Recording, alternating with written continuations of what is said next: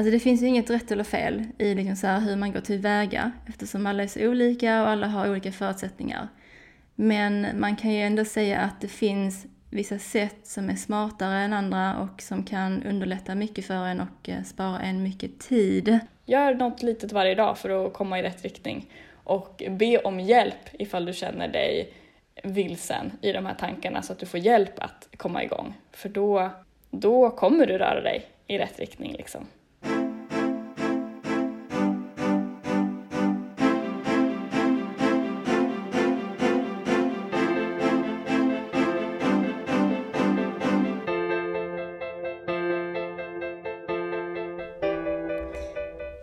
Då har vi Liv. Eller alltså vänta, vad säger man ditt efternamn?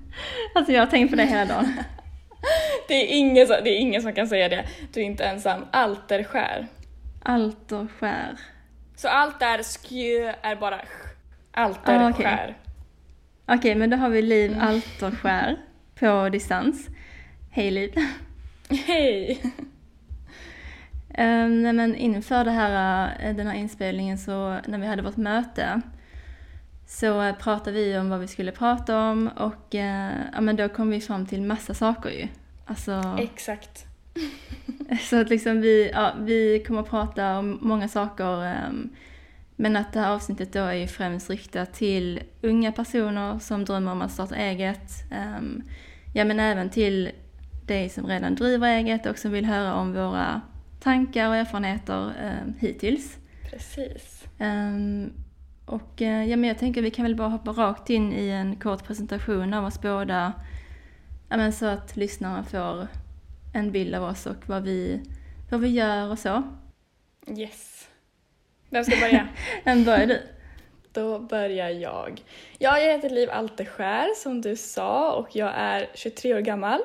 Och eh, just nu så bor jag i Italien så att jag sitter i vår lägenhet här i Piemonte. För jag bor här med min pojkvän helt enkelt. Och jag har bott utomlands de senaste tre, alltså nästan fyra åren nu. Så att, eh, och jag kommer komma in mer på det. Men efter studenten så flyttade jag till Spanien och har levt en stor del av mitt liv utomlands de senaste åren.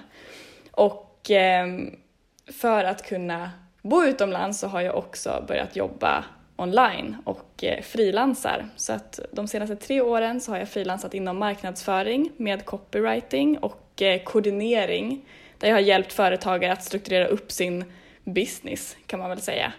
Men nu har jag precis eh, vänt min riktning och eh, jobbar med unga som vill hitta sin riktning, börja tro på sig själva och faktiskt skapa en plan för att skapa ett liv som de faktiskt känner sig inspirerade och taggade på att leva kan man väl säga. Så att idag så jobbar jag som mentor för unga som vill göra sina drömliv till vardag, kan man kort och gott sammanfatta det som. Ja, men gud vad kul. Men då är det både företagare och eh, privatpersoner, antar jag? Ja, precis. Alltså jag, mycket av min tidigare målgrupp som var egenföretagare lever ju kvar med mig kan man säga. Så att jag har fortfarande sådana projekt och sen så börjar jag även jobba nu med ja, men unga som jättemånga av dem jag jobbar med vill ju faktiskt starta eget. Så precis eh, det som den här podden kommer handla om. Men det finns även personer som inte drömmer om det utan drömmer om ja, men till exempel att flytta utomlands eller bara göra någonting som är lite annorlunda och kanske sticker ut ur mängden. Ja, just det. Ehm, ja, jag är varumärkesdesigner och fotograf. Ehm, och eh, jag är 25 år och startade mitt företag för snart två år sedan. I december blir det två år. Mm. Ehm, men ja, i grund och botten är jag ju grafisk designer. Ehm, men att jag då valde, med att, eh, valde att specialisera mig på just varumärkesdesign för kvinnliga företagare. Så att det är vad jag gör nu, eller där jag är nu. Och ehm, ja, eh, sa du hur gammal du var? Japp, 23. Jag fyllde 23 i förrgår. Ja, precis. Så att vi är liksom ja, i samma åldersspann kan man väl säga. Absolut. Eh, och det var också lite därför jag ville ha med dig, för jag tycker att ehm, ja, men det känns väldigt unikt att eh, man startar eget som så ung. Ja, absolut. Och jag började ju frilansa för tre år sedan så då var jag 19. Så det är ju väldigt ungt om man säger så. Ja, herregud. Så att, eh, absolut. Men det är ju väldigt många unga som drömmer om det nu också så det ska bli Mm. skitkul att få prata mer om det. Jag kan tänka mig att det är många som relaterar till den drömmen liksom. Ja men precis och um, ja, men alltså, det är nog många också som testar lite grann den entreprenörsgrejen när de är barn och så. Ehm, typ, eh, jag pratade ju med Ebba i det senaste avsnittet och hon, um, ja, hon sålde käpphästar, uh, sydda och jordegna, när hon var liten. Mm. Och ehm, Ja. Ja, så att man kanske redan har det i sig som, alltså, som barn och sen liksom att man, eller för mig var det så i alla fall att det var lite, ehm, det kändes lite så oundvikligt att eh, när jag skulle starta eget liksom att det, mm, Mm, absolut, så har det varit för mig också. Jag kommer ju från en entreprenörsfamilj så absolut att det har funnits med mm. hela vägen. Så hela din familj är eh, egenföretagare eller företagare? Ja, alltså i princip. Mamma och pappa och min storebrorsa, de alla tre driver egna företag inom helt olika branscher. Byggföretag, bonde och eh, författare. Oj. Men Så gud det vad är härligt. tre stycken helt olika riktningar. Sen har jag en lillebrorsa som är 17 och jag, jag skulle bli ganska förvånad ifall inte han kommer hålla på med någonting som är inom den liksom. Han är eh, lagar mat och vill vara bagare. Mhm. Men jag tror att han kommer nog också komma in på egenföretagande spåret. Så ja, de allra flesta är inne i de, de banorna. Oj, vad kul. Men eh, jag tänker att, men, i och med att vi har så mycket att prata om, så börjar vi direkt bara. Ja. Ehm, och vi har ju lagt upp det så att det blir liksom i kronologisk ordning. Alltså det vi kommer att prata om kommer liksom att följa lite av en tidslinje kan man väl säga. Ehm, där det börjar då liksom med gymnasiet och ja, men vad som händer efteråt och vad vi gjorde efter det, eh, efter studenten. Precis. Eh, för jag tänker att ja, men det är väl där det typ börjar kanske, att man börjar fundera på vad man ska göra och sånt. Ehm, och sen så slutar vi då med liksom att, ja men när man väl har startat eget och allting kring liksom att driva eget företag. Mm. Det låter som en plan. Så att, eh, ja men du kan väl börja med att, eh, alltså hur, vad gjorde du efter gymnasiet? Ja, alltså jag... Jag skulle säga att min så här längtan av att göra någonting annorlunda och komma iväg, för jag har vuxit upp i en liten, liten by i Jämtland, så att jag kommer liksom inte från någon storstad så att säga. Mm. Och min vilja att komma därifrån och se någonting mer och kanske göra någonting större, den, den viljan har funnits med för alltid. Så jag flyttade till Stockholm för gymnasiet. Så då gjorde jag min första flytt och eh, när studenten närmade sig så var det helt självklart för mig att jag skulle utomlands. Det var mitt enda fokus. Och eh, jag visste också att när jag väl börjar jobba och liksom forma min egen karriär så visste jag att det skulle vara någonting, ja men handla om egenföretagande. Men jag tänkte att det får komma sen. Mitt första fokus är att flytta utomlands. Och varför jag ville det, det kan jag inte svara på. Det var bara en sån Mm. tydlig, en sån stark magkänsla och en sån tydlig dröm som jag haft så länge. Så att eh, bara två månader, månader efter studenten så flyttade jag till Barcelona. Gud vad modigt. Så eh, ja, ja, alltså nu när jag tänker tillbaka på det så är jag bara så här, alltså jag fattar inte alls hur jag vågade det. Och det är många som, eh, men om man lär känna mig idag eh, så tror jag att man skulle beskriva mig som väldigt, ja men eh, utåtriktad och förmodligen ganska självsäker och trygg i Mm. olika situationer. Men jag har absolut inte alltid varit det. Nej. Så jag var väldigt, väldigt skör som barn och rädd för mycket och eh, ja men alltså även när jag var så här 15 år, jag tyckte det var jobbigt att sova själv. Jag har alltid varit väldigt ängslig kan man säga. Mm. Så att för mig att jag flyttade utomlands när jag var 18, det, jag är jätteimponerad över mig själv när jag tänker tillbaka. Liksom. Men det var en så tydlig dröm, det fanns inget annat alternativ för mig. Och målet med flytten var just att övervinna de här rädslorna och de här hindren som jag visste att jag hade. Mm. Så det var fullt fokus på det, mina första sex månader i Barcelona. Ja, men alltså det måste vara en otrolig omställning. Absolut.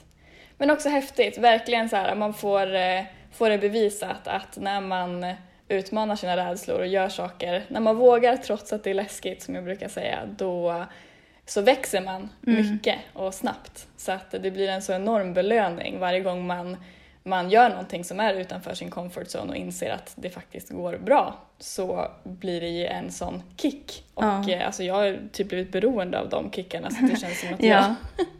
jag fortsätter ju att gå utanför min comfort zone hela tiden och jag är så glad för det. Men det är läskigt när man gör de första, alltså det är läskigt varje gång men Mm. framförallt i början när man inte är van att göra sånt som man kanske blir obekväm av. Mm. Nej, alltså, eh, det kom också fram när vi pratade eh, under vårt möte så att vi har haft väldigt olika ja, men erfarenheter och eh, så kring ja, men hela grejen med att eh, man från gymnasiet till att vi startade eget och så.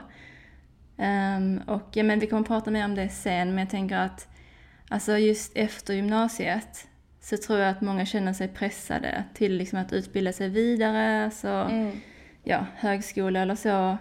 Ehm, ja, men eller, eller så man kanske tror att man inte kommer få något jobb annars eller att man, om man då vill driva eget, att man kanske tror att, eh, att det inte kommer gå om man inte har någon ordentlig utbildning så att säga.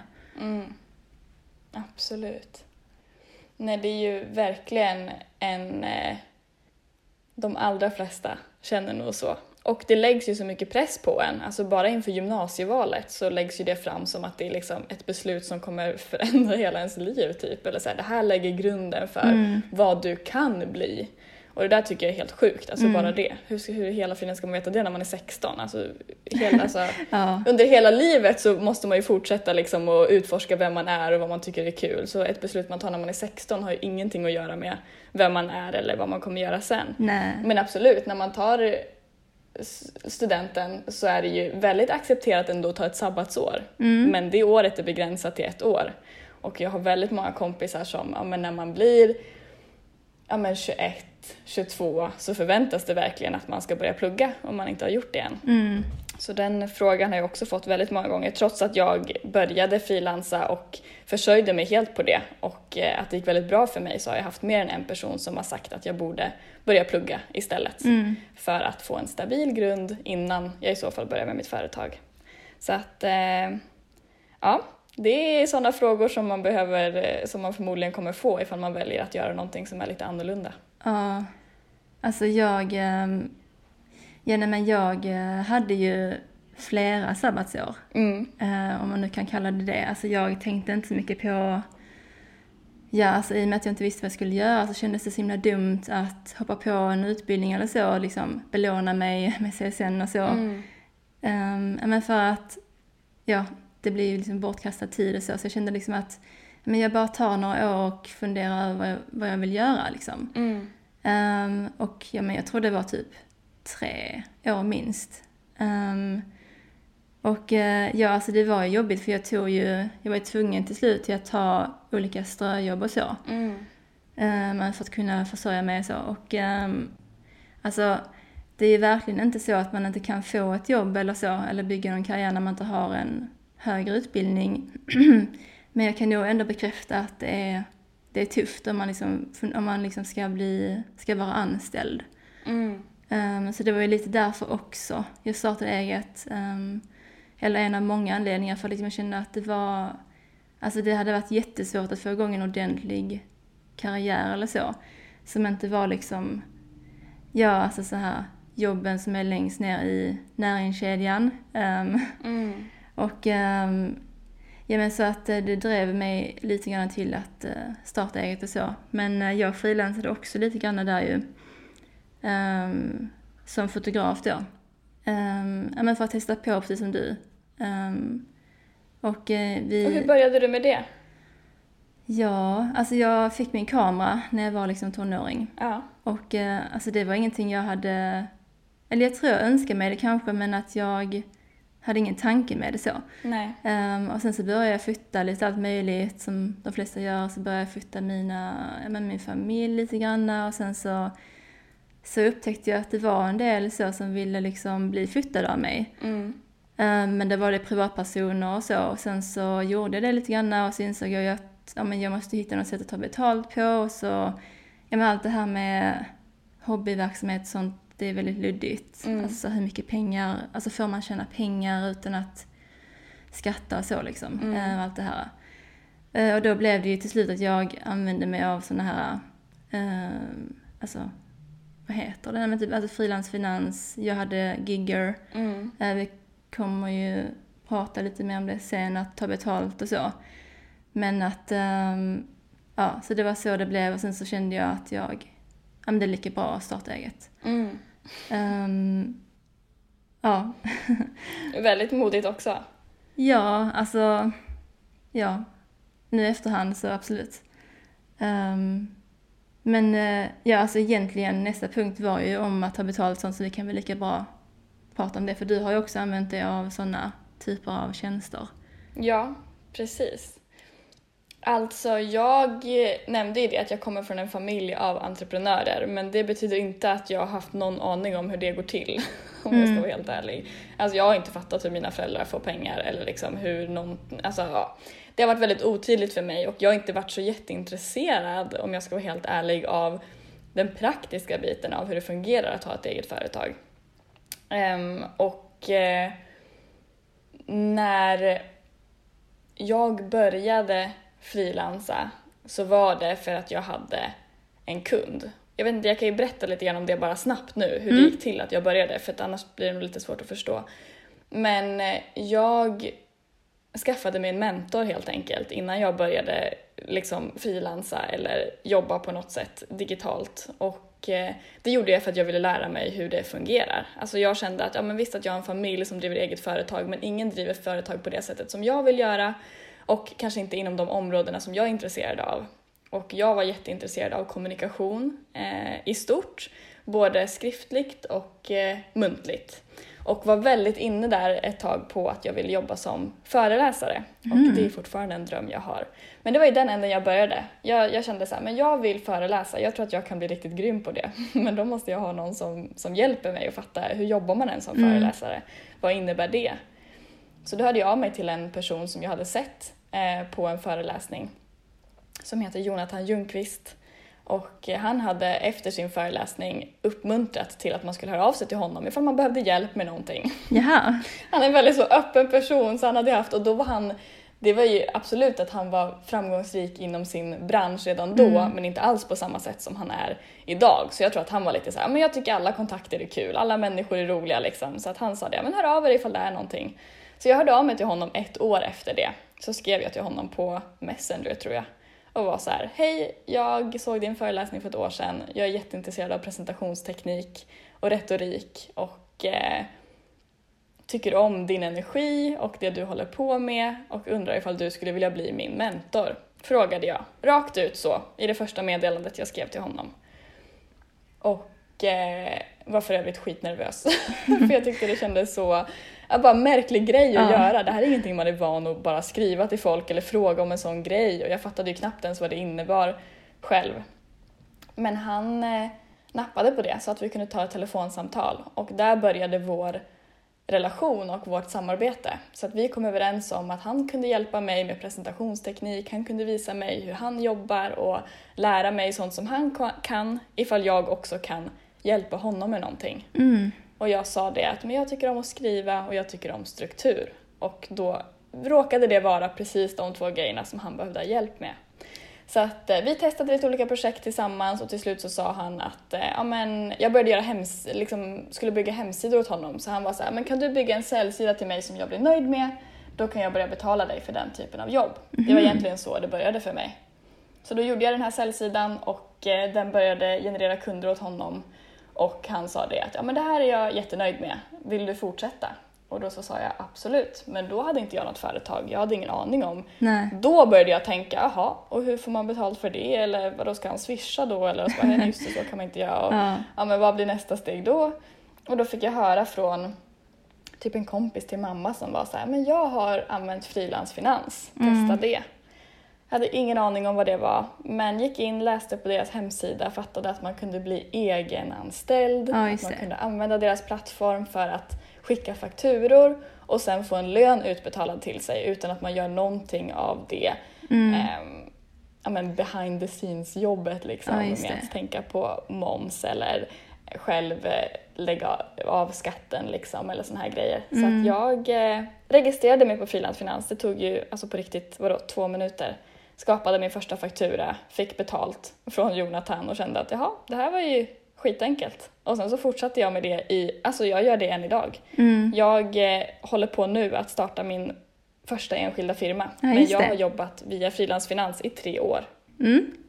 Men gud, gud vad spännande. Ehm, vi eh, kan ju berätta, alltså nu berättade du lite kort om vad det är, vad frilansfinans och sådana saker är för någonting.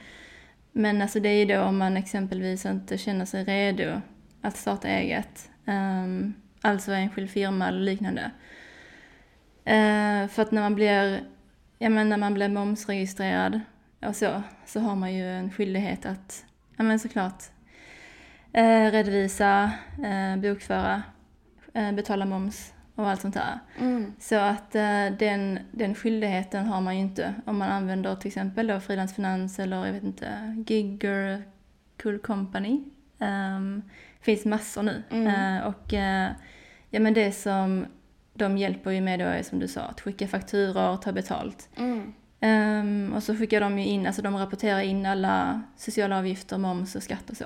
Precis. Eh, så att, ja, så får man väl summan eh, inbetald på sitt konto, eller hur? Efteråt. Alltså efter alla skatter och sånt. Exakt, alltså man får som en lön som om man hade varit anställd. Det är därför Mm. det heter egenanställd. Och alltså jag hör ju bara när jag lyssnar på dig, du kan ju så mycket mer än mig om det här. Ja, men- Jag har ju inte startat eget företag än. Alltså jag håller på att lära mig de här grejerna, så för mig är det nästan svårt att säga men vad är skillnad på Ja. frilansfinans och att driva eget? För det är så mycket bitar som jag fortfarande måste lära mig. Och jag tycker det är härligt att det får vara så. Alltså Mm. jag har liksom jobbat som egenföretagare i princip utan ett företag i tre år.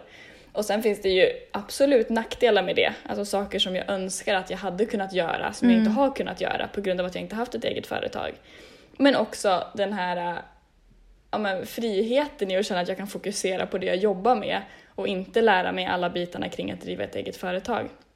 Så jag skulle absolut rekommendera, nu har jag bara jobbat med frilansfinans, men den här typen av tjänst liksom för att om man vill testa frilansa lite men man inte vet ifall man vill ta sig an hela ansvaret och Mm. eh, jobbet som det innebär att ha ett eget företag.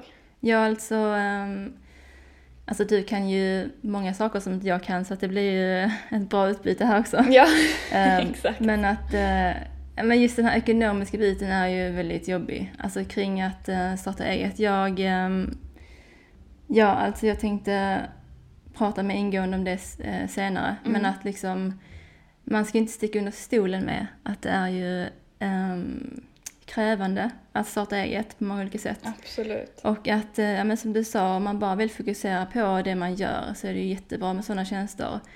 Däremot så, alltså de få nackdelarna som finns är ju liksom i så fall att de tar ju sin avgift också, eh, alltså på alla skatter och moms och det skiljer ju sig, alltså eh, de här olika företagen har olika eh, vet du det, procentavgifter. Mm.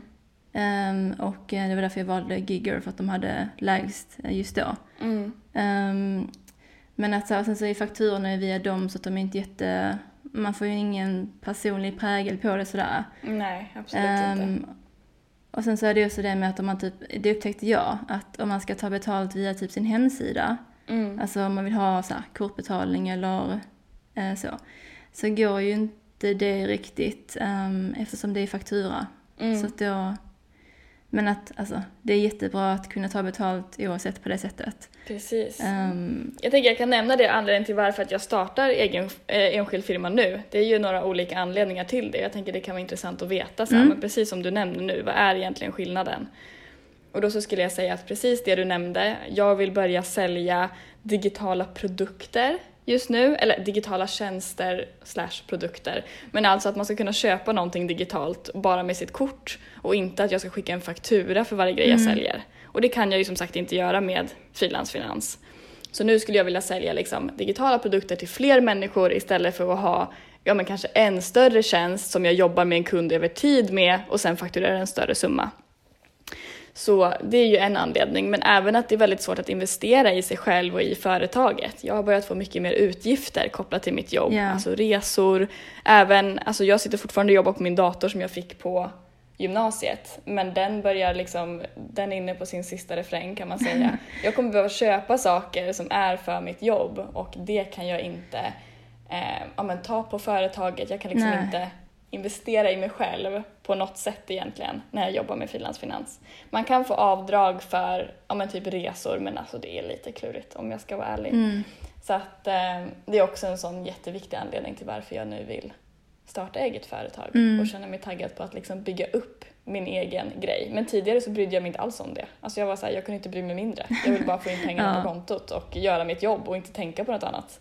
Och eh, så, ja, det beror helt på vilken typ av tjänst eller produkter man säljer och vad, vilket behov man har. Ja men precis. Um, och sen så, om man är där nu, om man liksom, eh, och att man är i det vägskälet som du är, där man liksom, ja men nu vill jag starta eget istället. Då kan det ju vara liksom väldigt svårt att veta i vilken ände man ska börja. Alltså så här liksom, och det var ju det jag nämnde när vi pratade inför vår inspelning, att ja, men vi upptäckte att vi har så olika erfarenheter liksom, och bakgrunder kring det. Ehm, just för att, um, ja, vi pratade lite grann om det, men att du började ju liksom i en annan ände kan man väl säga än vad jag gjorde. Ehm, och helt ärligt så tycker jag att du gjorde det i bättre ordning än vad jag gjorde. Men att så ehm, alltså det finns ju inget rätt eller fel i liksom så hur man går tillväga eftersom alla är så olika och alla har olika förutsättningar. Mm. Men man kan ju ändå säga att det finns vissa sätt som är smartare än andra och som kan underlätta mycket för en och eh, spara en mycket tid. Mm. Ehm, så att, eh, ja men du kan väl berätta lite grann om hur du gick tillväga liksom. Alltså för att du, ehm, ehm, vad heter det, när vi pratade så sa du att eh, du började, började ju i den här änden med att eh, ja, men bygga ett nätverk och att eh, skapa relationer så som du, jag fick ju också via ditt, det du gjorde. Mm. Eh, och att du snabbt fick ju många liksom, eh, ja men som började följa dig och som ville se vad du gjorde och så och eh, Mm. ja men kontakter helt enkelt. Ja, alltså man kan väl säga det. Jag började ju leva som att jag hade ett eget företag innan jag hade ett företag istället för tvärtom. Och eh, som sagt, allting började med att jag hade en kund.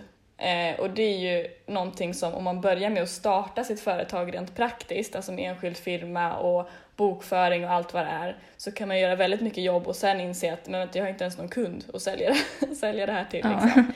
Så att eh, jag började ju, allting började med att jag fick en kund och det är ju fantastiskt ifall det kan vara så. Och jag Mm. fick ju lära mig tillsammans med honom att utveckla mina färdigheter och mina tjänster tack vare honom. Och jag vill Mm. verkligen ja, men, lyfta honom också i den här podden och säga det att jag är så otroligt tacksam för Jonathan Ljungqvist och allt han har gjort för mig. För att jag vet att hade det inte varit för honom så hade jag gjort det här ändå. Ja. Så jag säger inte att det är tack vare honom jag är det jag är idag för att min vision och min målbild har alltid varit så tydlig.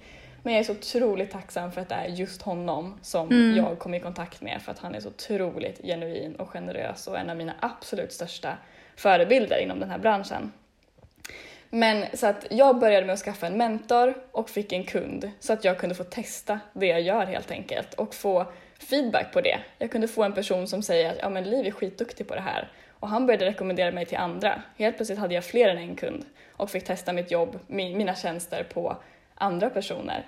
Så det är ju en sån jätteviktig del som sen går hand i hand med nätverkandet. Så att faktiskt komma i kontakt med mycket personer och få ja, men att människor börjar koppla ihop ens namn med det man gör och känner ja Mm. men Liv, just det, hon håller ju på med copywriting som det var tidigare. Eller ja men just det, Liv, hon hjälpte den här personen att strukturera upp sitt företag behind the scenes. Ja men det behöver jag också. Mm. Så att man ska absolut inte under, liksom, underskatta, vad heter det, alltså word by mouth, eller vad säger man? Eh, just det. Alltså, orga, alltså det måste inte vara annonsering eller den typen av marknadsföring. Man ska absolut inte underskatta rekommendationer Nej. och bli rekommenderad från tidigare kunder. För i slutändan så är ju det en av de absolut mest förtroendeingivande och eh, mm, ja, men bästa sätten som man kan få nya kunder skulle jag säga. Så att jag började med en mentor, med kunder, började få referen- referenser och bygga upp ett starkt nätverk och började till slut också att synas mer på LinkedIn och byggde upp mycket av min, eh, ja, men mitt nätverk digitalt. Liksom. Och det har ju varit A och O för, jag har verkligen lagt grunden för allting jag gör idag skulle jag säga. Mm. Och som jag sa, jag har fortfarande inte ens startat enskild firma. så jag har hållit på med det här i tre år liksom. Och nu känner jag att när jag väl startar eget företag så har jag så otroligt mycket kött på benen. Så att Ja. det känns inte läskigt att gå in och starta en enskild firma för att jag vet precis vad jag håller på med. Liksom. Om du förstår vad jag menar. Så att eh, så har ju min väg in varit. Ja, för att alltså nu när du startar ju din firma då och ja, men, driver eget för, företag på riktigt eller så, ehm, så har du ju det här liksom, nätverket och så redan och att du har en publik att prata till ehm, och sälja till såklart.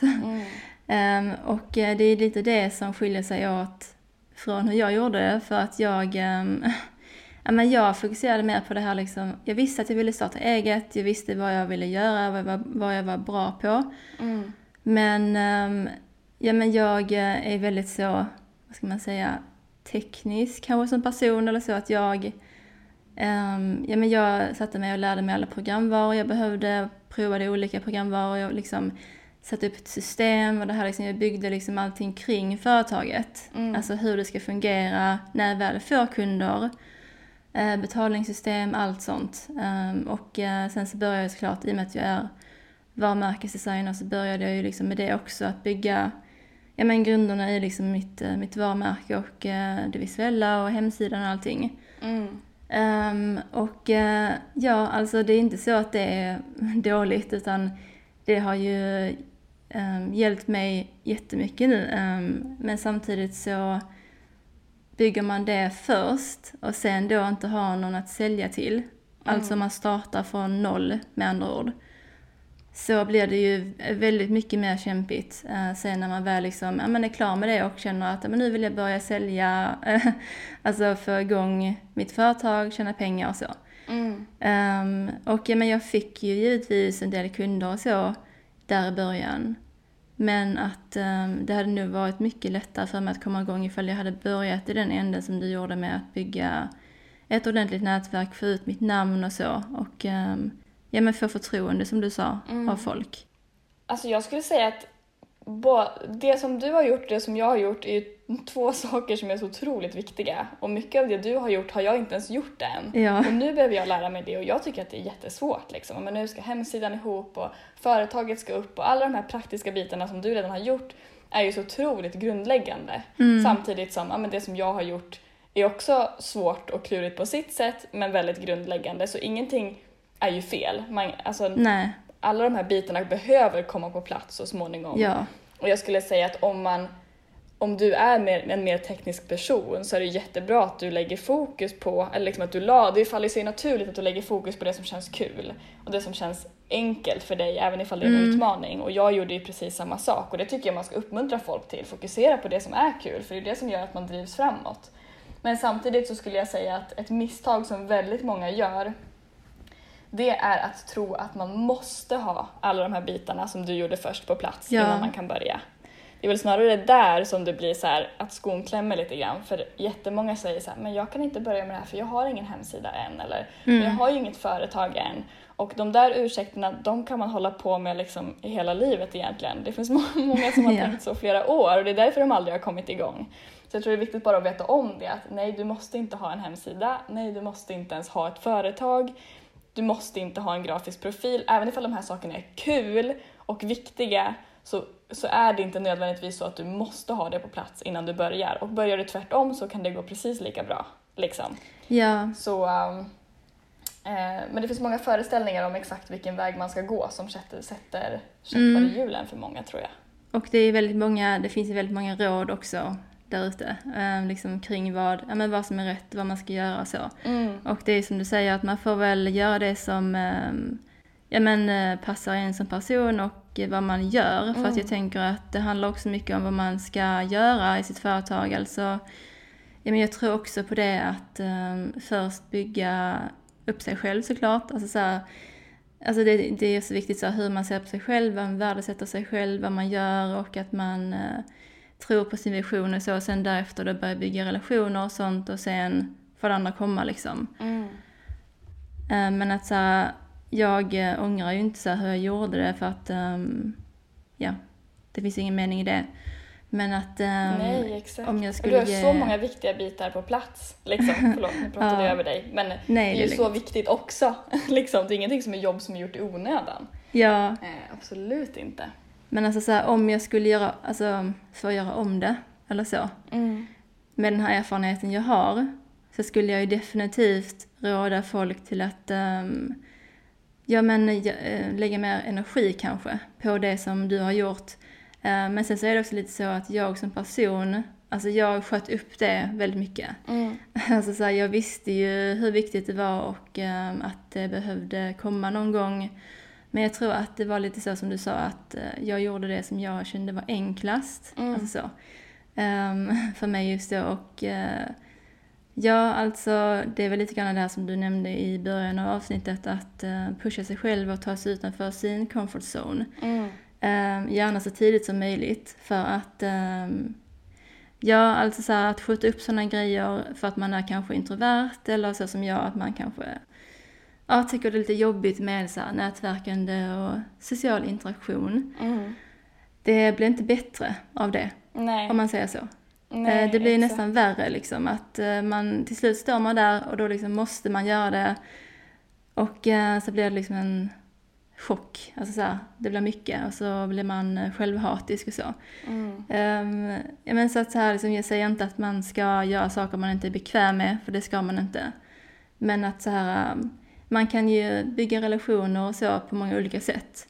Um, men som att jag startade den här podden och så, det var liksom ett bra mellanting för mig. Mm. Att uh, men kunna nå ut till andra och vara lite mer personlig, få ut mina åsikter, mina tankar, mitt, uh, min kompetens och så. Uh, på ett sätt som inte jag känner mig obekväm i. För att um, Ja, alltså att filma mig själv och spela in reels och sånt är inte riktigt min grej. Mm. Inte heller så här webbinarer och så. Ehm, men att man får hitta så här vägar att göra det men så att det passar en själv och så. Men att det måste ändå ske. Ja, nej men absolut. Och jag tror också att det är väldigt viktigt där att bara få höra det redan när man är i en tidig, ett tidigt stadie, att det finns absolut ingen mall för hur man behöver vara som egenföretagare. Det finns ju en föreställning om att ja, men, entreprenörer är liksom väldigt extroverta, utåtriktade personer som har väldigt Mm. bra självförtroende och som också har koll på allting, som är helt fullkomligt experter inom sitt område och som är, alltså, det finns en bild av hur den här entreprenören ser ut och hur man behöver vara för att kunna ta plats i den världen. Mm. Och ehm, det vill jag bara säga ifall det är någon som lyssnar nu och ja, men, tänker så och känner att men jag passar inte in i den här bilden. Kan jag verkligen bli entreprenör? Kan jag ha ett eget företag? Jag är ju introvert eller ja, men, jag, precis som du säger, jag tycker nätverk är jobbigt eller jag kan inte hålla på och spela in reels. Ja, men, det gör ju verkligen ingenting. Alltså det, det som är absolut viktigast om man startar eget företag och börjar bygga ett eget personligt varumärke, det är ju verkligen att behålla sig själv och vara den man är. Och bara för att ge ett exempel på en sån person, jag vet inte ifall du har hört om henne, men en av mina ja, men, nära vänner, men även en av mina största förebilder också inom den här branschen, heter Joella Skog. Och eh, hon är otroligt, hon jobbar ju med att hjälpa andra företagare att bygga personligt varumärke, så det är klart att hon är duktig på det själv också. Men jag tycker bara att det är kul för att hon är ett exempel på en person som är ganska introvert, som inte alls tycker det är det roligaste som finns att gå på nätverksevent eller ens träffa personer liksom på riktigt. Men hon har verkligen hittat sitt sätt att vara sig själv och nå ut framförallt på LinkedIn och hon pratar om de här sakerna. Hon säger ja men jag är inte organiserad och eh, jag är inte så extrovert som person men jag gör på det här sättet och det funkar för mig liksom. Mm. Så att, att vara ärlig med den man är och verkligen äga det och känna att man får vara sig själv oavsett hur man är är också en så viktig grej att ha med sig när man startar eget företag och driver eget. Ja, verkligen. Nej, men för att gå tillbaka till det här med um, mentorskap och så, så är det ju också en viktig grej där i början känner jag. Alltså framförallt då som nystartad liksom i, Mm. den, i det stadiet. Att, um, ja men som du sa, att ha någon att prata med och bolla idéer med och så. Och då, ja men det kan hjälpa en också att hitta sin grej i sig själv, vad man liksom Mm. Ehm, och ehm, ja, men alla kanske inte har någon i sin närhet som ja, men har erfarenhet av att driva eget eller som kan ge en input kring det. Eh, det har ju inte jag exempelvis. Ehm, så att ja, jag har också haft um, mentor då, Mm. men via Nyföretagarcentrum. Ehm, så det är också en rekommendation till den som ja, men fundera på att starta eget för att de har ju så här också ja, men kostnadsfri rådgivning och så. Um, men då är det ju lite mer så generellt, alltså det är ju väldigt så, mm. um, ja, praktiska saker kanske. Um, men att ha någon att bolla idéer med, tankar med och mm. liksom att uh, ja, det är ju, alltså skulle jag nu säga, en av de största eller viktigaste sakerna man kan investera i i början. Um, men framförallt om man då jobbar själv, alltså om man inte har mm. något, ja, men, någon kollega eller um, någon, uh, vad heter det, ja men någon att jobba med. Um, mm. Och när det gäller just rådgivning och, uh, eller att skaffa en mentor så är ju det allra viktigaste också personkemi. Mm, absolut. Också att beroende på vad man vill ha hjälp med eller få råd kring att Ja, alltså att personen också då har eventuell erfarenhet av det. Alltså att, sen behöver det inte vara så att man vill ha hjälp eller råd kring något specifikt, utan det kan ju vara att man kanske bara vill ha någon att bolla idéer med och tankar med som har ja, men mer erfarenhet kring att driva eget generellt. Men um, ja, alltså det var ett väldigt bra tips du hade att alltså bara, man kan ju bara skriva till någon som man känner mm. sig inspirerad av eller som, och fråga liksom. Ja, exakt och verkligen så här det är också en sån grej som jag brukar säga till personer som, eh, ja, men som vill ta första steget och går i tankarna om att starta eget eller göra någonting som kanske sticker ut ur mängden. Och det är verkligen att eh, bli medveten om vem man tar råd från. För att så fort man bestämmer sig för att göra sin egen grej då kommer folk ha åsikter om det och tycka till om det och folk älskar att ge sina tips och råd liksom. Ja, just det. Och särskilt personer som står väldigt nära en, alltså familj och vänner. Mm. Och de här personerna kommer ge råd utifrån deras erfarenheter, utifrån deras rädslor och utifrån deras bild av hur verkligheten fungerar och vad som är bra eller dåligt. Mm. Vilket innebär att det är lätt hänt att personer kommer och säger att nej men det här borde du inte ens testa för det här är alldeles för svårt. Eller ska du verkligen göra det? Eller kan du verkligen det här? Och att det kommer en väldigt skeptisk ton även från personer som står en väldigt nära och det kommer ju bara ur liksom kärlek och att de bryr sig om dig. Men där blir det viktigt att tänka vem man tar råd från och då brukar jag alltid säga att man ska ha det som en tumregel, att man bara tar råd ifrån personer som faktiskt lever det livet man själv vill leva. Mm. Alltså man tänker så okej okay, men vänta den här personen, har den här personen gjort den resan som jag också vill göra? Okej, okay, då kan jag överväga att lyssna på vad den här personen har att säga. Men är det till exempel en mamma eller en syster eller en bästa kompis som inte alls lever det livet du vill göra, men hon kanske är anställd och har sitt liksom 9 till 5 jobb och säger till dig att nej men du borde inte starta eget för det är jättesvårt och du kommer aldrig få ekonomin att gå runt. Ja men då så säger hon det ur sina rädslor, ur sin bild av hur egenföretagande fungerar. Mm. Men hon har själv inte gjort, hon lever ett liv som du inte vill ha och då är inte hon rätt person att ha råd av just då.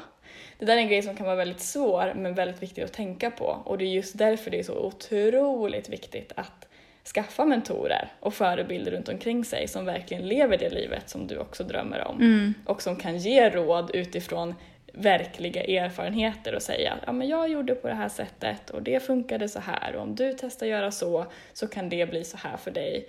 För då får vi riktigt tyngd i de råden som vi får från våra mentorer och våra förebilder. Liksom. Ja, men precis. Um, ja, alltså jag uh, var ju med i uh, Nyföretagarcentrums mentorsprogram och um, det är jättebra i så för det kostar ingenting. Men att uh, då blir man ju mm. tilldelad en mentor, eller man blir matchad med en mentor. Um, så mm. att om man då... Coolt! Ja, det är jättebra faktiskt. Um, men om man då skulle liksom vilja lära sig någonting mer specifikt eller så, man har liksom Ja men för mig hade det kanske varit äh, lämpligare att ähm, äh, få rådgivning eller så av en designer.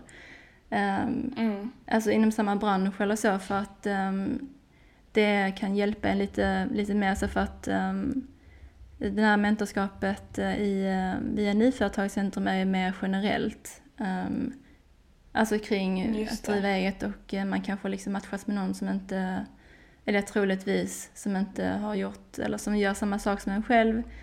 Um, men det beror mm. på vad man, liksom, vad man vill och så och om man har råd att investera i det. Um, mm. Men att um, ja, oavsett så vi båda rekommenderar att eh, ja, hitta någon alltså, som du kan bolla dina tankar med för att eh, det är så himla värdefullt. Exakt, och jag vill bara slänga in det redan här eftersom att vi sitter och pratar om just det. Alltså när jag började oavsett ifall det var liksom att jag skulle starta eget företag eller ifall det var att flytta utomlands. Jag har alltid verkligen så här cravat personer och mentorer inom det för att jag kanske inte haft de kompisgängen som har gjort mm. samma sak eller känt mig så motiverad eller inspirerad till att göra de grejerna för att jag inte haft personer runt omkring mig, mer än min familj, men liksom just vänner och så som, som vill samma grej. Och det är ju faktiskt precis därför jag har valt att jobba med det jag gör idag. Att just kliva fram som mm. mentor för unga som vill göra sin egen grej och få hjälp att hitta sin riktning och få vägledning på den här lite annorlunda vägen och att man inte ska känna sig ensam inom det. Och jag vet att jag ska få prata mer om det här på slutet men jag vill bara säga det nu också att just nu, alltså om ja, nästa vecka, så lanserar jag faktiskt ett community tillsammans med två stycken branschkollegor som också är, båda två är 23 år gamla och driver eget företag. Så vi är tre stycken unga kvinnor som har gått ihop och verkligen vill skapa ett community för andra unga som känner sig menad för någonting större och som vill få ett nytt nätverk och nya mentorer inom just det här. Så att eh, mm jag ville bara få nämna det redan nu för att det är så sjukt ja. kul. För att jag hade så stort behov av det och jag vet att det är fler som har behov av just den här grejen. Mm. Så det ska mm. bli så spännande att få testa det liksom. Så det finns ju, de här personerna som man drömmer om att ha som vänner eller som mentorer, de finns där ute. Det gäller bara att hitta dem och gör man det, ser man en person på sociala medier som verkar intressant, som, som man ser upp till, våga skriv. Det är verkligen ett tips jag vill skicka med. Var inte rädd för att höra av dig för det kan bli starten på någonting skitkul liksom. Och så värdefullt. Ja, nej men det är så viktigt. Alltså, mm, visst. Ja, det ska bli jättespännande att se um, när ni släpper det.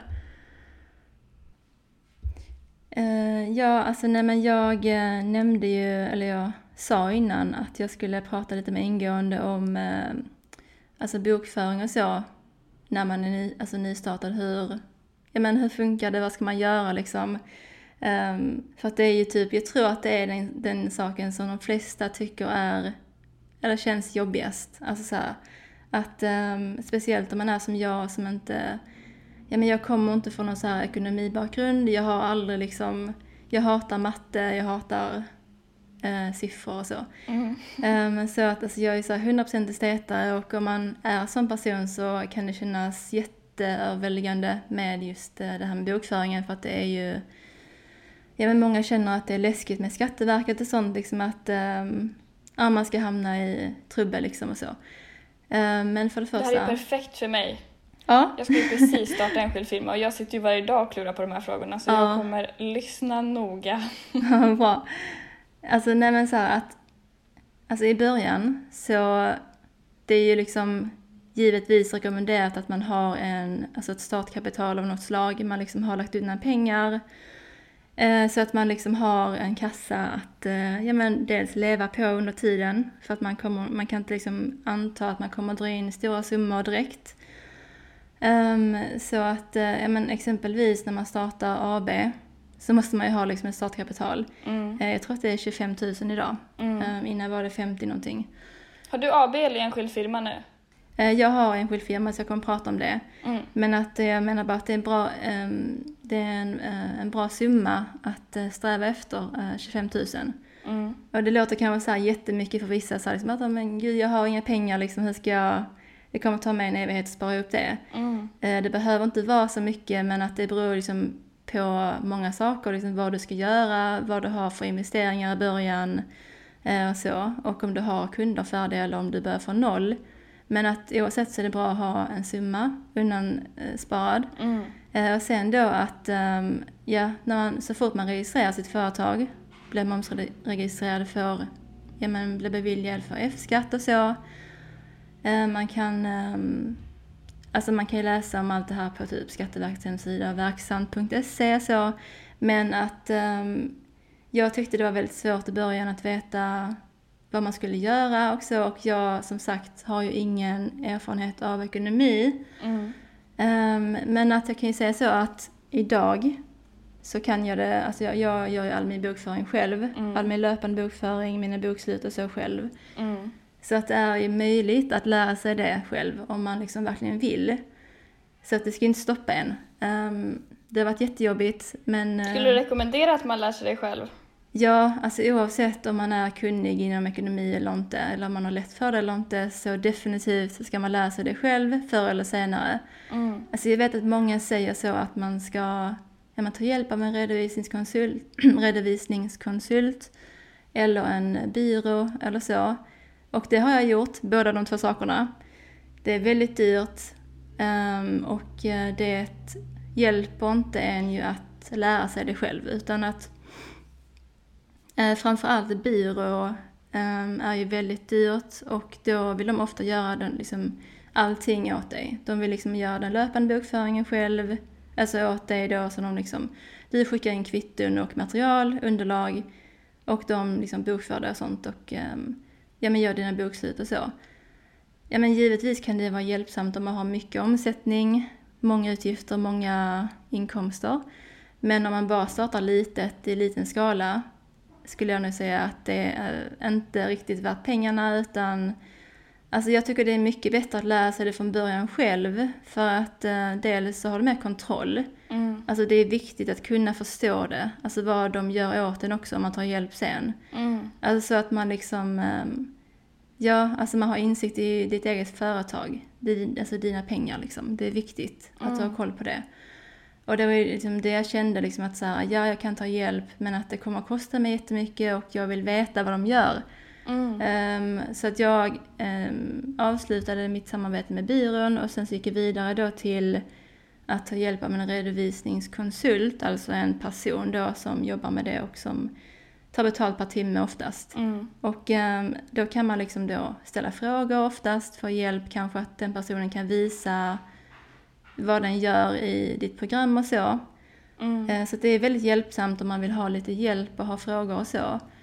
Men att sen så ja, hade jag en liten erfarenhet av att det blev fel också. Så att, eh, trots, att jag, eh, trots att jag tog hjälp så blev det fel och så blir jag lite så här, jag har väldigt stora trust issues. Mm. Så att eh, jag kände liksom att nej men då gör jag det bara själv liksom. Mm. Ehm, så jag gjorde det själv därefter och ehm, det ångrar jag inte en sekund. Ehm, och då kanske du som lyssnar tänker, hur ska jag lära mig det? För att det är liksom så här, alltså du behöver inte gå någon utbildning, alltså, utan jag lärde mig det genom att jag, ehm, alltså det är ganska simpelt när man väl lär sig det. Men nyckeln är ju, ska jag säga, att alltså, för det första investera i ett ordentligt bokföringsprogram. Mm. Alltså det finns gratis program och så och det finns ja, men, sätt att komma runt den kostnaden. Men det är inte så mycket i jämförelse med vad du får betala om du, ja, om du gör det fel så att säga. Vad har du för bokföringsprogram? Eh, Jag använder Fortnox Mm. Ehm, och eh, alltså de har ju så att man kan få, alltså man kan ha deras basplan och sen kan man lägga till tjänster då om man liksom behöver typ fakturering också. Mm. De har massa integrationer med, alltså man kan ha integrationer med sin bank och så. Mm. Eh, massa olika typer av program. Så att ehm, jag har bara deras basplan och jag tycker att det är jättebra. Och eh, alltså i början, ja, alltså sjukt överväldigande liksom, det ser väldigt komplicerat ut. Mm. Men ehm, att eh, jag lärde mig då grunderna i bokföring genom att ja, men dels så finns det väldigt bra grupper på Facebook. Mm. Ehm, det finns en som heter Bokföringshjälpen som är jättebra. Gud vad bra. Um, ska jag gå med i direkt. Liksom, där kan man ju ställa frågor, alltså så här, typ att, eh, ja men kring något specifikt, hur bokför jag detta? Så, och så kan man få snabba svar och hjälp. Mm. Däremot är det ju inte meningen att du ska liksom lägga upp alltså typ så här tio inlägg per dag och fråga liksom. ehm, men att så här, där kan man ju få hjälp om man är osäker på något specifikt. Mm. Så det har hjälpt mig jättemycket. Också när man får hjälp och får det svaret så vet man till nästa gång hur man ska göra.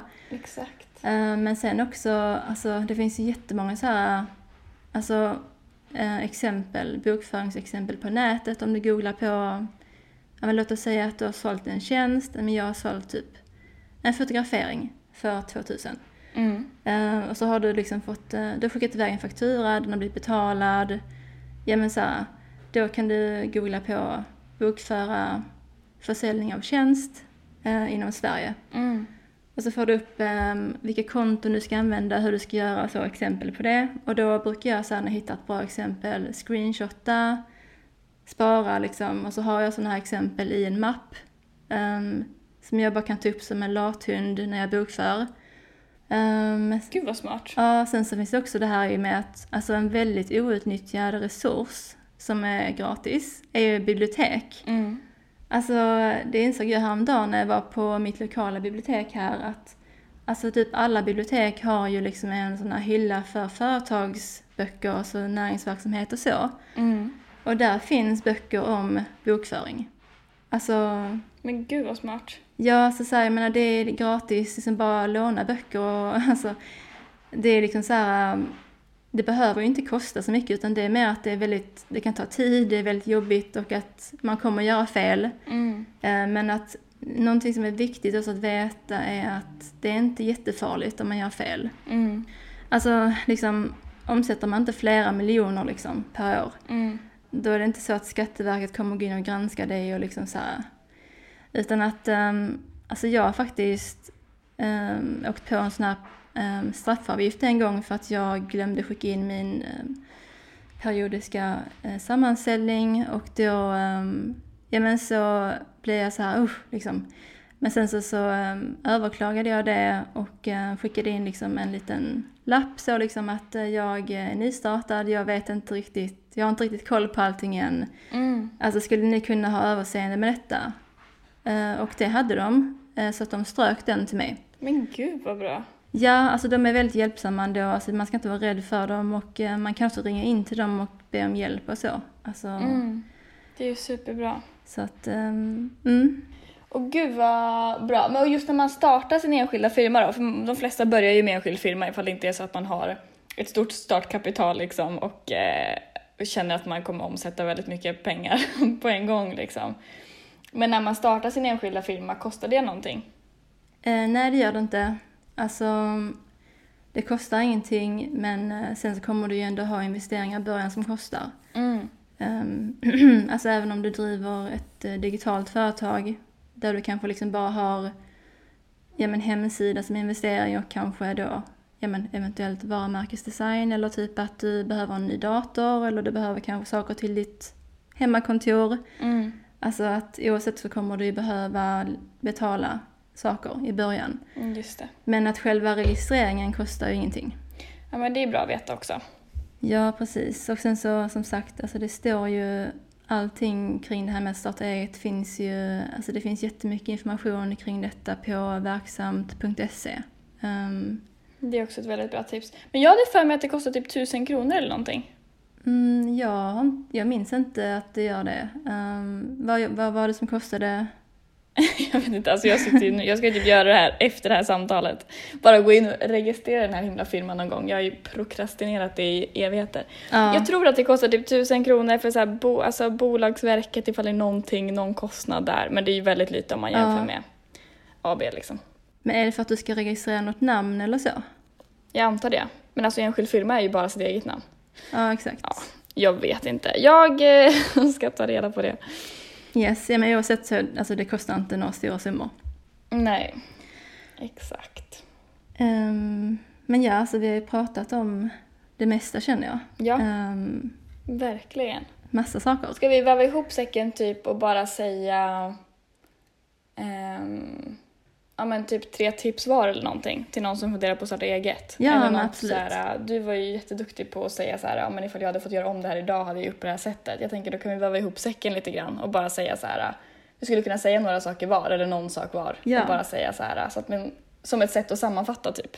Tänker jag. Då behöver man inte sammanfatta, då kan vi utifrån det vi har pratat om så kan vi bara välja tre tips typ. Jag tror att jag har tre. Mm, kör.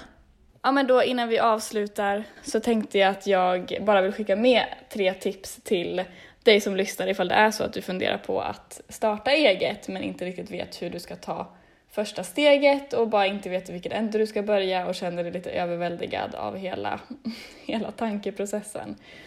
Så då skulle jag vilja säga att eh, mitt första tips det är verkligen att börja omge dig med människor som gör det du drömmer om att göra. Och det måste alltså inte vara fysiskt fysiska personer, eller jo det är det väl såklart, men alltså det måste inte vara dina vänner som du har runt omkring dig där du bor eller någonting sånt, utan det kan absolut vara digitalt. Så att börja gå in på sociala medier, är du inne på TikTok, bläddra där, sök efter liksom sökord som matchar det du vill hålla på med. Är du redan inne på LinkedIn, gå in och kika där, försök hitta förebilder på LinkedIn som du ser upp till. Och eh, se till att du börjar få mata, bli matad med information från rätt personer helt enkelt. Så att du inte bara hör de här eh, rädslorna och begränsande åsikterna som folk kan ha om hur svårt det är och hur omöjligt mm. det är och att det aldrig kommer gå bra och så vidare. Eller vad det nu är folk säger liksom. Så börja med att omge dig med rätt personer digitalt eller fysiskt ifall du kan det. Och Eh, sen är mitt andra tips verkligen att skaffa en eller flera mentorer. Hittar du någon person på sociala medier som du känner att den här personen ser jag upp till, den här personen verkar ha gjort en liknande resa som jag vill göra, skriv till den personen och berätta att du är på jakt efter en mentor. Mm. Sen hur det upplägget kommer se ut, det är ju helt upp till den personen och upp till dig. Men var inte rädd för att få ett nej. Alltså det är väl jätte... Det är inte alls konstigt ifall en person säger nej. Den här personen kanske har fullt upp, inte har tid. Men då har du i alla fall frågat och jag lovar dig att ingen blir irriterad som får den frågan. Det är mm. världens största komplimang att få höra att någon vill ha dig som sin mentor liksom. Så skriv till ett gäng, skriv till tio stycken. Se ifall du får napp från någon. Och liksom, se ifall du kan börja lära dig av faktiska personer och inte bara av liksom, att läsa eller grubbla själv. Mm.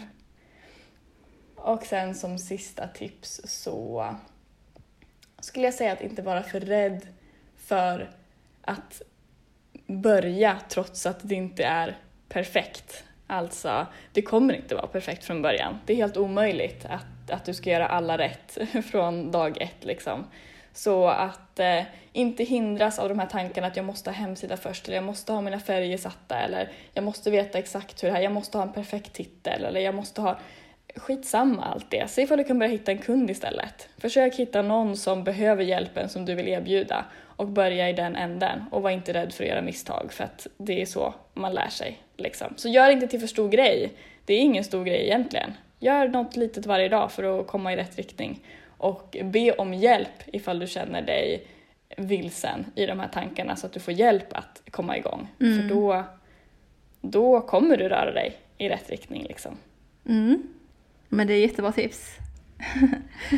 um, jag kan inte ha tre stycken men att, um, ja men lite det jag nämnde i början att um, Alltså jag skulle nog ändå säga att det finns en bra ordning att göra saker i och um, Ja, alltså så här, det viktigaste är väl att ha en plan framför allt. Mm. Um, alltså det kan, inte, det kan ju vara så att man kanske inte riktigt tänker igenom det jättenoga och så blir det jättejobbigt sen.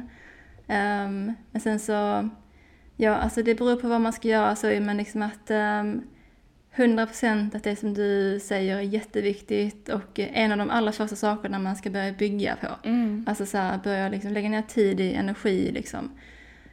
Ja, fastän det är jobbigt utanför ens comfort zone.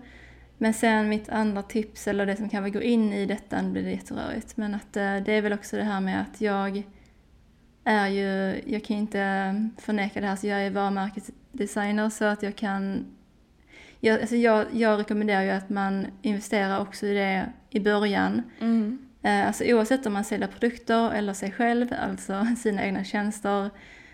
Alltså att det här med varumärke, um, det är ju en annan sak en personligt varumärke.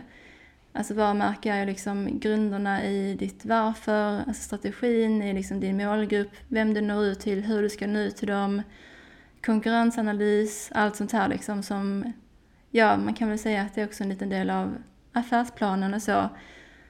Så absolut, jag skulle säga att man ska, ja, alltså man ska investera i det tidigt. Det behöver inte vara direkt, det behöver inte vara perfekt från början.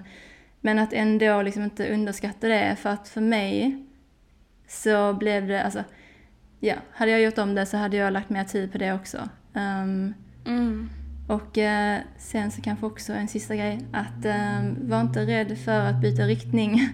för att alltså, många tänker Jättebra. att de kanske liksom, oh, alltså så man har en idé och sen så kör man det och sen så bara nej, det här funkar inte eller typ att uh, jag, vi gör inte annat. Mm. Alltså se det inte som ett nederlag utan så här liksom ja, jag har bytt riktning två gånger kan man väl säga. Um, Mm. ja, alltså det är eh, klart att man känner att det kan, ja, det var bortkastad tid och typ att det var liksom dumt att jag inte insåg det här tidigare liksom. Men eh, se det som en lärdom istället. Mm. Ehm, som en erfarenhet. För att jag, eh, jag hörde detta häromdagen bara att eh, ja, men i USA så är det lite mer så kulturen, jag vet inte ifall det stämmer men jag hörde det häromdagen av någon att ehm, kulturen där är lite mer så att om man har ett företag som har gått i konkurs Mm. Så ses det lite grann som eh, status eller så som något positivt för att då har man liksom erfarenhet. Det är lite grann som ett CV så att ja men då har du tagit mycket lärdom från det liksom. Mm. Men att här i Sverige så är det lite mer så att en konkurs är lika med liksom misslyckande. Mm. Att åh, liksom du, ditt företag, du har haft en idé som inte funkade och kast liksom. Mm. Då har du gjort något fel. Men det behöver inte alls vara så. Det kan bara vara att man liksom inte hittade rätt från början. Mm. Så ja, det är också ett stort tips att så här, var inte rädd för att byta riktning och att se det inte som ett misslyckande. Jag håller verkligen med. Jag tror det är många som skäms över det. Ja, Jag fick ett meddelande bara häromdagen från en tjej som jag har hjälpt liksom att komma igång och hon var så här, men nu känns det jättejobbigt för jag trodde att jag ville hålla på med det här liksom och helt plötsligt så känns det Ja. som att det är lite mer åt den här riktningen jag vill gå men hur gör jag nu? Och jag har ju sagt till folk att jag vill göra och jag vill bara säga men det är ju bara, Mm. alltså du hade aldrig vetat kanske att det var den här nya grejen du vill hålla på med ifall du inte hade börjat i någon ände och testat någonting liksom. Och att byta riktning det är ofta en del av resan och man ska verkligen inte skämmas för det. Snarare byta så fort man verkligen känner att ja, men nu är det dags, så att man inte håller på med någonting man inte vill för länge. Det om någonting kan ju vara i så fall slöseri Mm. med tid om man vill kalla det för det. Så att byt på. precis. Det är en del av det roliga, en del av resan liksom. Det ska man inte vara rädd för. Ja. Och eh, ja, nu i slutet tänker jag att vi kör en liten så, vad ska man säga, eh, lite reklam för oss själva. Alltså för att det har att göra med det här som vi har pratat om. Både du och jag erbjuder ju rådgivning, du erbjuder mentorskap. eh, Mm. Men vi gör det kanske lite olika format. Så jag tänker att du kan ju berätta lite grann om hur man kan få dig som mentor och vad du gör och hur det fungerar.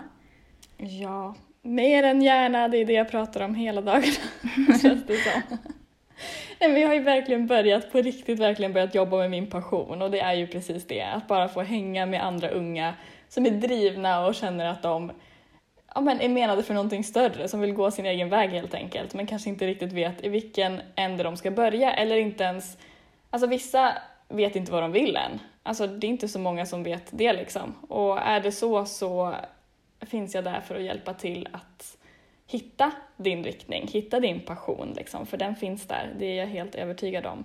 Men de allra flesta jag jobbar med har redan den här magkänslan av vad de vill göra men har inte vågat ta första steget eller vet inte hur de ska ta första steget. Hur börjar man egentligen? Och då med hjälp av mina erfarenheter och allt jag har lärt mig av mina mentorer och min resa de senaste åren så hjälper jag de här personerna att komma igång. Och eh, det har jag redan börjat göra sedan i våras och det är så sjukt häftigt att se de resultaten. Alltså folk har flyttat utomlands och vissa har redan börjat eh, få nya kunder i sitt nya företag och det är skithäftigt att få se Mm. Alltså helt ärligt, vad lite som behövs för att man ska våga komma igång. Och ofta så behövs det bara att man har en person som lyssnar på en, ser en och tror på att det man vill är möjligt. Och den personen är jag då, när jag kliver in som mentor för de här personerna. Så att eh, om man vill komma i kontakt med mig så skulle jag säga att man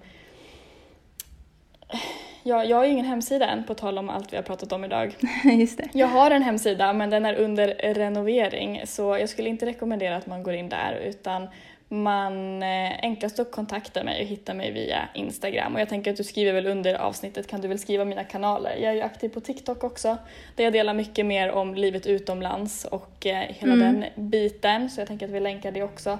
Och annars är det mer liksom business om man vill gå in och se mer av mitt varumärke och mitt företag så hittar ni mig på LinkedIn.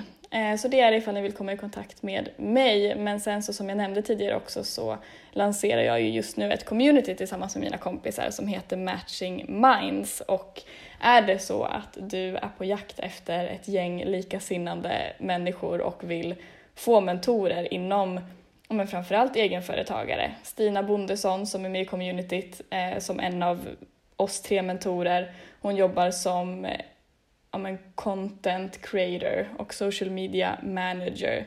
Så hon eh, ja, men jobbar just med eh, fotografering och sociala medier och sånt. Och Frida Roback är copywriter och jag pratar mer om självledarskap och hela den här mentala biten med att faktiskt göra det man vill. Så att om man vill bli en del av vårt eh, community så heter det Matching Minds och just nu så har vi ingen officiell hemsida heller men skriv då till mig på Instagram mm. och säg att det är intressant så pratar vi mer om det där. Det kommer öppnas upp för alla om eh, vi har en, en kick-off månad för en stängd grupp med 30 personer som börjar nu 3 oktober och sen så kommer det lanseras för eh, allmänheten om man säger så en månad efter det. Så då kan vem som helst gå med. Är det någon specifik eller så åldersspann då eller ska man vara någon specifik, speciell ålder? Alltså de, flesta, de som är med just nu av de här 30, de är mellan 18 och 28 tror jag. Någon kanske är mm. 30. Men jag skulle säga att genomsnittet är ju typ i vår ålder. Yeah. Alltså ja, mellan 20 och 25 kanske. Mm. Och det här medlemskapet kostar 299 kronor i månaden att gå med i och då så har vi digitala träffar varje vecka och eh, en gemensam plattform där vi delar kunskap och mm. erfarenheter. Peppar varandra att göra sin grej helt enkelt.